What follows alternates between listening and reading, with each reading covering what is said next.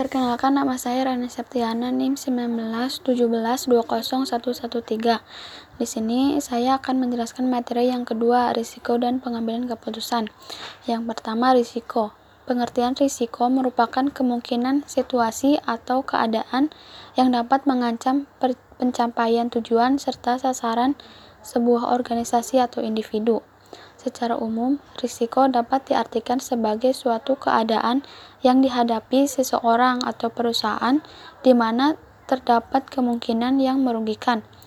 Apabila dikatakan dengan referensi investor terhadap risiko, maka dapat dibedakan menjadi tiga, yaitu yang pertama, investor yang suka risiko atau risk taker.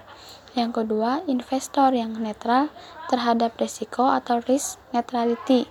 Yang ketiga, investor yang tidak suka terhadap risiko atau risk averter. Yang kedua, pengertian pengambilan keputusan. Keputusan adalah pengakhiran dari dari paham proses pemikiran tentang apa yang dianggap sebagai masalah, sebagai sesuatu yang merupakan penyimpanan daripada yang dikehendaki direncanakan atau dituju dengan menjatuhkan pilihan pada salah satu alternatif pemecahannya.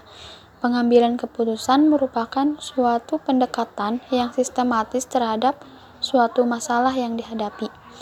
Ada beberapa dasar pengambilan keputusan. Yang pertama yaitu pengambilan keputusan berdasarkan intuisi. Yang kedua, pengambilan keputusan berdasarkan rasional.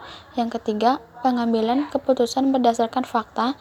Yang keempat, pengambilan keputusan berdasarkan pengalaman dan yang terakhir yaitu pengambilan keputusan berdasarkan wewenang.